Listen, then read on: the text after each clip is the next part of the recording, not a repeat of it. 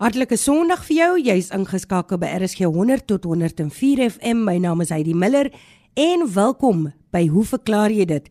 Ons program vanoggend met 'n paar interessante verklaringe deur ons kenners, die teoretiese fisikus Hendrik Geier en die ekoloog Dave Peppler. Hendrik Geier is eerste aan die woord.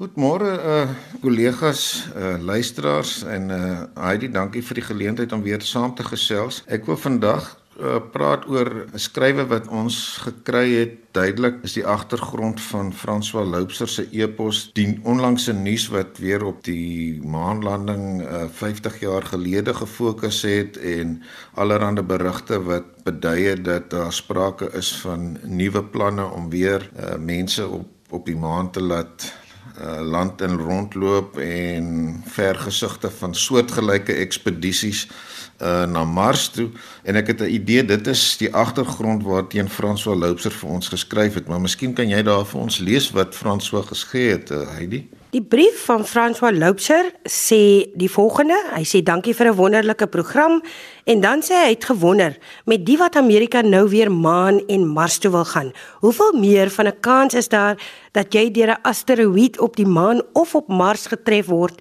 siende dat hulle minder van 'n atmosfeer het en kleiner asteroïde dus sal oorleef. Neem aan dieselfde geld vir die internasionale ruimtestasie. Dis die brief van François en Prof Geier gaan nou daarop reageer. Ek gaan eers stukkies inligting deel wat betrekking het op op dieselfde soort vraag, uh, maar wanneer ons dit tot die aarde beperk en en net vra hoekom ons agter met watter soort orde groottes uh, werk ons hier. Oor die terminologie asteroïdes is word gewoonlik gebruik om die stukkies rots en kleiner stofdeeltjies wat oorblyfsels is van die vroeë vorming van ons sonnestelsel of katastrofiese botsings wat daar plaasgevind het tussen groot hemelliggame deur die geskiedenis van die heelal wat ergens ook in 'n wentelbaan uh om die son is en natuurlik is daar wisselende groottes en soos ons nou weet deur byvoorbeeld net te verwys na die voorkoms van goed wat in die volkstaal as verskietende sterre uh, beskryf word weet ons dat van tyd tot tyd uh, van hierdie deeltjies groot genoeg is om hulle baan deur die atmosfeer te oorleef en 'n mens moet dit so stel want uh, die feit dat daar 'n atmosfeer is en jy maak ook die punt François uh, beteken dat die wrywing van so vinnig bewegende stukkie asteroïde in die in die atmosfeer daartoe lei dat die stukkie rots uh, warm word en uh, potensieel kan smelt en en kan disintegreer. So meeste van die goed wat op die aarde uiteindelik beland was oorspronklik ten minste relatief groot en uh, die atmosfeer speel beslis 'n rol in die wat uiteindelik wel die aardoppervlak bereik en daar maak ons nou 'n onderskeid tussen asteroïde en meteoriete. Meteoriete is nou die goed wat uiteindelik uh, in die atmosfeer beland. Asteroïde is die goed wat daar ronddryf. Maar jy suggereer eintlik dat daar 'n groter waarskynlikheid is dat 'n mens deur sulke goed op die maan getref kan word omdat daar juis nie 'n atmosfeer is nie. So mense vermoed dat die kleiner deeltjies wat nie die die tog deur die aarde se atmosfeer oorleef nie, uh, inderdaad wel 'n impak sou hê op die maan se oppervlak. Nou as 'n mens vra hoeveel meteoriete beland op die aarde kan 'n mens nou op twee maniere hierdie inligting probeer versamel. Um, ek het agtergekom na 'n sprake van mense wat eenvoudig deur 'n spesifieke stukkie van die naglug baie noukeurig te monitor oor 'n sekere tydperk kan jy tel hoeveel kleiner ligflitsies daar byvoorbeeld is. Uh, alternatief was daar mense wat studies gedoen het deur eenvoudig in woestynareas waar jy vermoed dat die goed wat die tog deur die atmosfeer oorleef het tot 'n groter mate uh, nog opspoorbaar is eerder as byvoorbeeld in beboste gebiede of beboude gebiede. Ehm um, so daar's verskillende maniere waarop mense net sulke opnames kan maak en soos jy jou kan voorstel, versamel mense hierdie inligting in kategorieë van byvoorbeeld die grootte van die stukkies wat op die oppervlak sê maar in 'n woestyn opgetel word. Die stukkies moet nou noukeurig geëvalueer word om te probeer vasstel hoe lank hulle daar al reeds op die aardoppervlak is. Dit is inligting wat waar dan nou ook duidelik nie met presiese akkuraatheid uh, stellings gemaak kan word nie. So So al hierdie goed is nie besonder akkurate inligting maar nietemin dat deur hierdie tipe waarnemings lees 'n mens dat Die hoeveelheid materie wat op hierdie manier op die aarde beland wissel per jaar tussen omtrent 40 en 80000 ton. So dit klink nou na 'n geweldige hoeveelheid tot 'n mens begin sommetjies maak uh, waar jy die aarde se oppervlak in berekening bring en dan vra vra soos hoeveel van hierdie goed beland op 'n tipies op 'n vierkante kilometer uh ensovoorts. So hier kan ek verwys na 'n redelik noukeurige studie wat 'n persoon met die naam van PA Bland en sy medewerkers in 1996 gedoen het en gepubliseer het in die Monthly Notices of the Royal Astronomical Society en hulle het gevind dat as 'n mens praat van meteoriete tussen omtrent 10 kg en 1 kg, dan praat jy van omtrent 3 tot 7000 kg per jaar wat die wat die aardoppervlak tref. So dit is nou nie geweldig baie nie. Die syfer wat ek tevore genoem het, die 40 tot 80000 ton per jaar. Dit is gevolgtrekkings wat gemaak word dink ek tot 'n groter mate deur die nag lug dop te hou en dan eenvoudig statistiese berekeninge doen. Jy neem maar aan dat uh, wat jy op een plek waarneem reg rondom die aarde gebeur so en daardie groot verskil het te maak daarmee dat die grootste deel van wat uiteindelik op die aarde beland eintlik in in baie klein stofdeeltjie tipe grootte goed beland wat jy nie baie maklik sal waarneem of van bewus raak nie. Verder het hierdie studie van Bland en sy medewerkers gewys dat omtrent tussen 40 en 170 meteoriete wat groter as 10 gram is die aarde elke jaar per 1 miljoen vierkante kilometer bereik. So as 'n mens nou die die oppervlak van die aarde in berekening bring, dan vertaal dit na omtrent tussen 20 en 80 000 meteoriete per jaar groter as 10 gram uh, wat die aarde uh, bereik.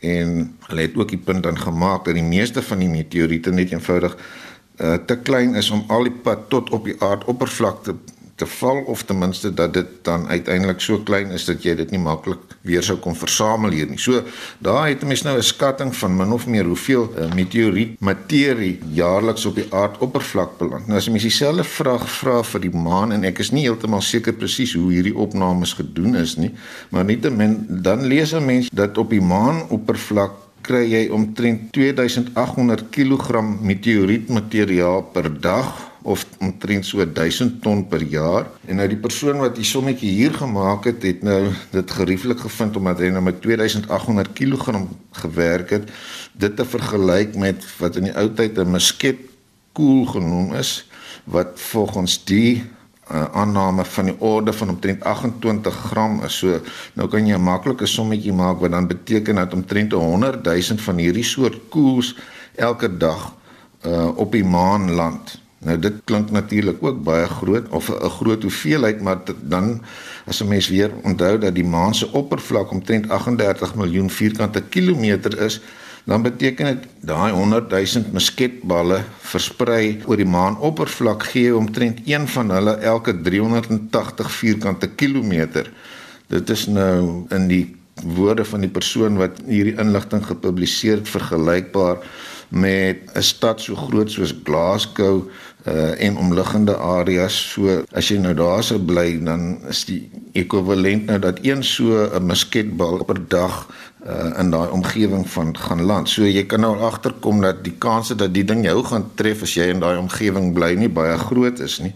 En nou om dit nou meer spesifiek te maak, het hy uitgewys dat die Apollo 11 bemanning. 'n area van omtrent 750 vierkante meter op 'n area van omtrent 750 vierkante meter op die maan rondgeloop het So as jy nou die relatiewe sommetjie maak, dan kry jy omtrent 1 in 500 000. So dit beteken hulle sou omtrent 1400 jaar lank daar op die kolletjie moes rondgeloop het voordat daar met 'n groot waarskynlikheid een van hierdie musketballe hulle sou kon tref. So dit is eintlik weglaatbaar. In hierdie berekeninge kon ek nie agterkom tot watter mate die feit dat die maan nie 'n atmosfeer het nie verdiskonteer word want ek dit is duidelik dat hier sprake van uh 1000 ton per jaar sluit nou alles in en as 'n mens nou die maan en die aarde vergelyk dan sou jy ook aanneem dat daar min of meer dieselfde digtheid van asteroïdmateriaal uh per oppervlakeenheid op elkeen van hierdie liggame val. Daar's nie iets wat wat die maan se posisie uh, of die aarde se posisie in die opsig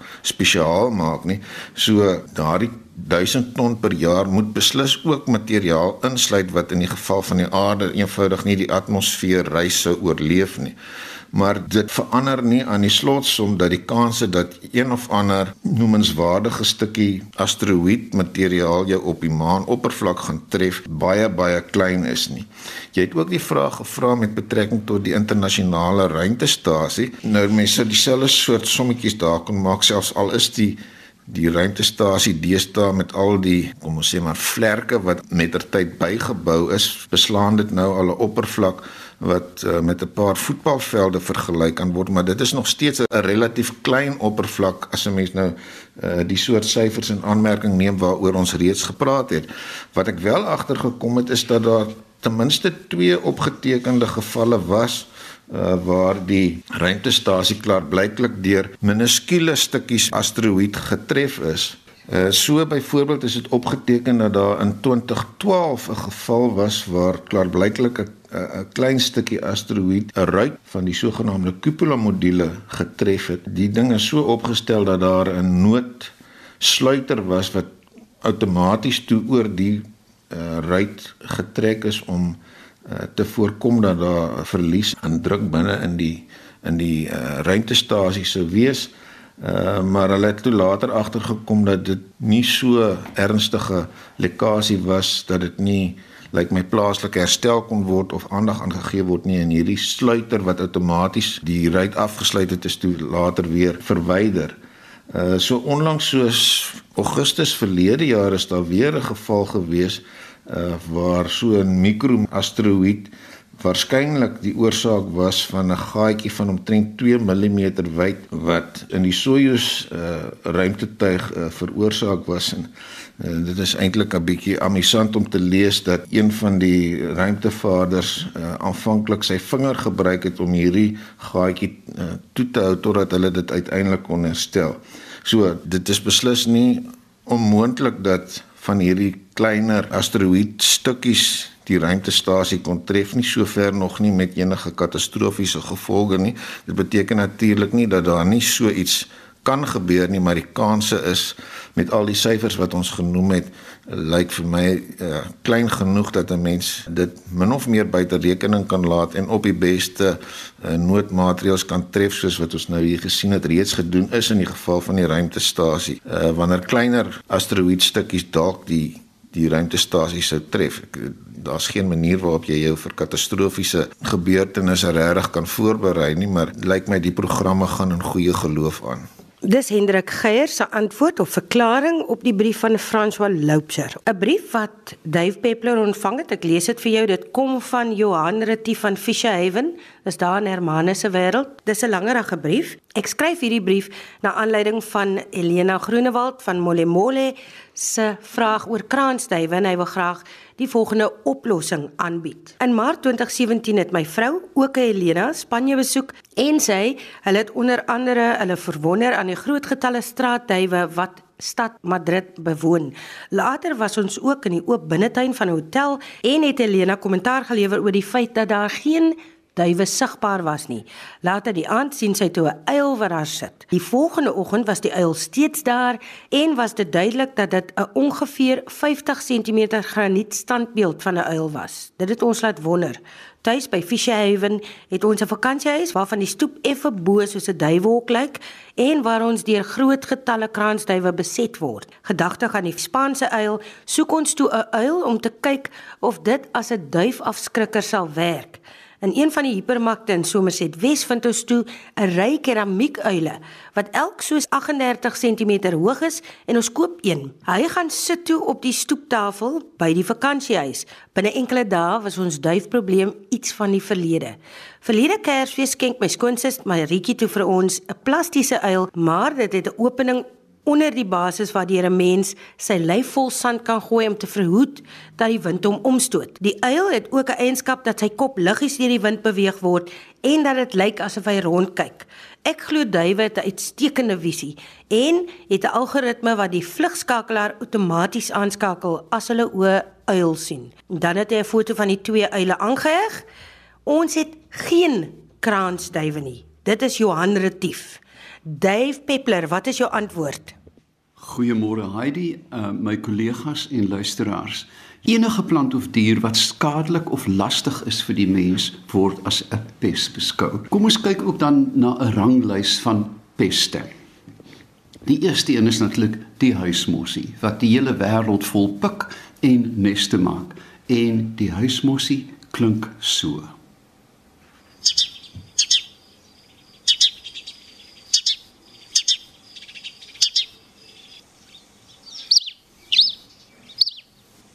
Die volgende groot probleem en veral nou in stedelike gebiede is die Indiese huiskraai. Ongelukkig het ek nie 'n opname van sy roep nie, maar dit is 'n onlangse aankomeling en eintlik 'n pes van alle stede om die Indiese Oseaan. Met skepe is die kraaie vervoer want hulle praat baie mooi en dis tipies Jack Sparrow met die papegaai op die skouer, in die geval net 'n kraai. Dan het ons natuurlik die Europese spreeu wat Cecil John Rhodes gebring het en hy klink so.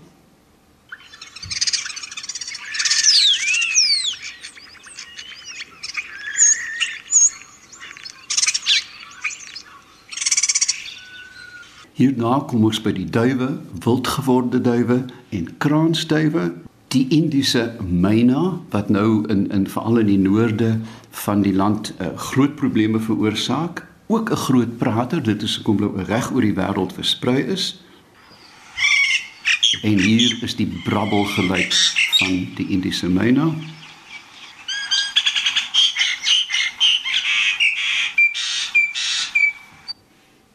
Kolganse. Kolganse is deesdae 'n baie groot probleem. In die vroeë 60's het professor Roy Siegfried 'n baie interessante artikel geskryf oor die toename van kolganse in die veral in die Wes-Kaap en bevind dat die tellings van van watervoëls insluit nou kolganse hoër is as die van Kanada, die groot mere van Kanada. Rede daarvoor is besproeiing. Na 1950 is groot damme gebou um, en groot aanlegte gebou wat water voorsien en dit is natuurlik die hemel vir die klassieke kolgans.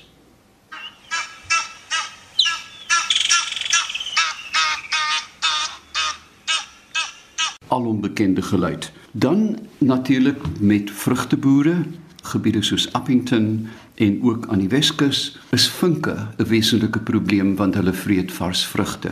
Maar Laastens moet 'n mens ook begin dink aan meeuwe. Ek het onlangs verneem aan die Weskus waar 'n boer uh, groot probleme het met meeuwe wat jong lammers se oë uitpik. Met ander woorde, waar die mens kom, is daar sogenaamde kommensiele voels wat saam met die mens kom en hulle veroorsaak probleme en volgens ons definisie van peste is dit enige dier of plant wat skadelik of lastig is vir die mens. Nou ja, Ons het al ligweg daaraan geraak oor hoe om van die goed ontslae te raak. Maar kom ons kyk na die metodes een vir een. Nette. Ry daar by Klawer se wêreld noordwaarts en jy sien hektare wingerde, letterlik die hele wingerd toegemaak met nette. Die waarde van die uitvoerproduk is so hoog dat die boere kan bekostig om etlike miljoene rande per hektaar te spandeer om hulle af te skerm deur middel van nette. Dan is daar die bekende stekels en dit sien ons gewoonlik aan geboue waar duwe sit. Dit lyk na as 'n plastiek uistervark en die duwe kan eenvoudig net nie hulle hulle nes daar maak of letterlik daar sit nie want die pen is, is langer as hulle bene en steek dan die liggaam en irriteer hulle. Daar's chemiese afweermiddels, ons het al daaroor gesels waarmee ek nie baie vrede het nie. Die idee is dat die stof wat jy aansmeer irriteer die duwe se voete of die voël se voete, maar soos 'n mens weet, een suidoos met goeie stof en dan raak die chemikalie onaktief. Jy kan letterlik in in baie plekke in Europa word dit gedoen, word valle aangebring waar ehm um, die duwe gewoonlik dan in groot massas gevoer word, die val word neergesit en dan word die duwe doodgemaak. Dit help nie om met 'n duif oor die berg te ry en dink hy gaan nie terugkom nie. Duwe vlieg honderde, selfs duisende kilometers om terug te kom na hulle woongebied. Jy kan die neste van die probleemdiere verwyder en die mense dink in die ou dae klassiek aan die geval van Quilias wat in swerms van etlike honderde miljoene voorgekom het en dan saans in een boom geslaap het en gewoonlik ook saam nes gemaak het. Wat het die boere gedoen? 'n Stokdinamiet um, om middernag en dan was daar helse slag en etlike 100 000 lewentjies is dan verpletter met hierdie een slag. En dit was effektief, maar jy wil nou nie dinamiet in 'n voorstad gebruik as jy probleme het nie. 'n Mens kan die probleemdiere skiet. Uh, ons weet van die etiese besware daarteenoor, dis gevaarlik in woon, woongebiede. Ehm um, maar deesdae gebruik mense knaldempers en stadige koels om dan een vir een die probleemdiere uit te haal. Daarvoor moet dit moet jy 'n lisensie hê en ek dink uh, dit is nie 'n oorweging vir die algemene luisteraar om te begin skiet nie. Dan uh, die ander moontlikheid is die visuele afskrikmiddel.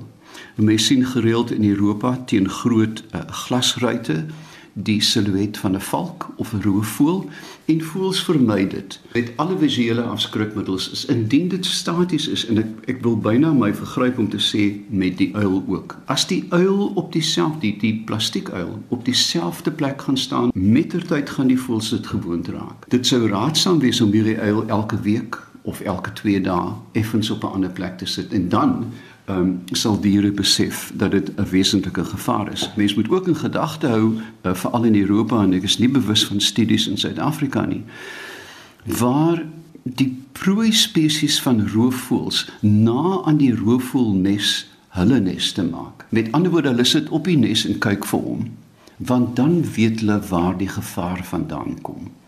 'n baie interessante En finale oplossing is om met lewendige roofvoëls, met ander woorde valke, swerfvalke, uh, peregrine of met edelvalk lanner falcons falconeers te kry wat hier en weer loop en die voëls verjaag. Nou ja, dit is 'n baie adel oplossing. Die probleem hier is net dat roofvoëls is mateloos lui. Hulle is soos leeu's. As daar nie rede is om te beweeg nie, doen hulle dit eenvoudig nie. Hulle sal vir 'n dag sit en wag vir iets om by te kom. En die aktiewe vlugtyd van 'n roofvoël aan aan die hand of op die hand is 20 minute per dag. Dit is wat hy kan vlieg voor hy uitgeput is en dan wil hy nie verder vlieg nie. Daar is hoë frekwensie klankgenerators wat die voël sal irriteer en sal dit skrik. Dan is daar ook uh, opnames van noodkrete. Met ander woorde as jy 'n kolgans onder die voet sit en jy neem daai aardige geskree op, dan kan jy dit terugspeel aan die bevolking Maar weer eens moet jy dan die bron, met ander woorde die luidspreker, letterlik uierliks verskuif. Ek het gesien in die koue bokkeveld dat kolganse met hulle pinkvoete letterlik op die kanon sit en hop as hy afgaan, want hy het nooit geskuif nie. Dit word deel van die agtergrond geraas, dit word deel van die omgewingsgeluide en hulle aanvaar dit eenvoudig. Ek dink mens kan ook die interessante analoog uh hier gebruik van tellings van roofvoëls. Nou van die klassieke maniere om te weet wat aangaan met roofvoëls in 'n omgewing is om die Engelse road counts te doen. Jy ry en tel die voëls op 'n paal. Daar is baie gou agtergekom dat voëls langs besige paaie langs die N1 baie meer gereedelik sal stil sit as die op 'n grondpad net daar langs, want die N1 is die hele dag besig en die geluide is heeldag daar en hulle assimileer dit as deel van die omgewing. Maar as jy 'n bruin jakkalsvoël is en jy sit op die grondpad na Hans Pietersfontein toe en daar's twee motors se dag, dan vlieg jy twee maal. Met ander woorde, baie diere, ehm um, en op hier praat ons van rotte en muise, assimileer die geraas van 'n stad, eekorings ook byvoorbeeld, en dan sal hulle eenvoudig aangaan asof niks bestaan nie. Daarom die oplossing van probleemdier probleme is om 'n suite van van wapens in jou in jou koker te hê. Nie net 'n uil nie, nie net geraas nie, nie net die speeltjie wat draai nie, nie net die geluid nie, nie die stekels nie, maar 'n effektiewe kombinasie daarvan. En dan moet 'n mens onthou dat eh, soos die evolusie leer ons uh, baie goed laat verstaan, is daar 'n ewige geskarrel in die natuur van 'n uh, oorlog, 'n ekologiese oorlogvoering. Met ander woorde, 'n boom wat deur kameelperde of kuddes gevreet word, sal oor 'n paar honderd duisend jaar die doringlengte verdubbel. Hulle sal byvoorbeeld die um die vlakke van tannien verdriedubbel. Daar's baie doringbome dit sodra daar gevreet word, verhoog die tannien vlakke. En ons weet dat tannien is nie baie goed vir vertering nie. Wat doen die vreter? Die vreter kry 'n smaller bek om tussen die dorings in te gaan. Wat doen die vreter? Hy pas sy maagsappe aan. Met ander woorde, ons is heeltyd in 'n reuse oorlog voering tussen organismes wat probeer oorleef. Nou Johan en Helena, ek dink julle het 'n baie innoverende oplossing gekry. Ehm, um, maar ek kan jou byna waarborg as die uil daar gaan staan vir 'n jaar, gaan die duwe terugkom. So, ehm um, dink 'n bietjie daaraan om op een of ander manier die uil te laat beweeg as jy nie by die huis is nie, vra 'n buurman om die uil te verskuif. Ehm um, miskien is hier 'n nuwe mark vir Suid-Afrikaanse probleemdiere. Ons sê baie dankie aan Dave Peppler. Ek hoop jy's gelukkig Johan Retief met daai verklaring. Onthou jy kan vir my skryf. Hoe verklaar jy dit? Posbus 2551, dis Kaapstad 8000 of stuur vir my 'n e e-pos na heidi@rsg.co.za.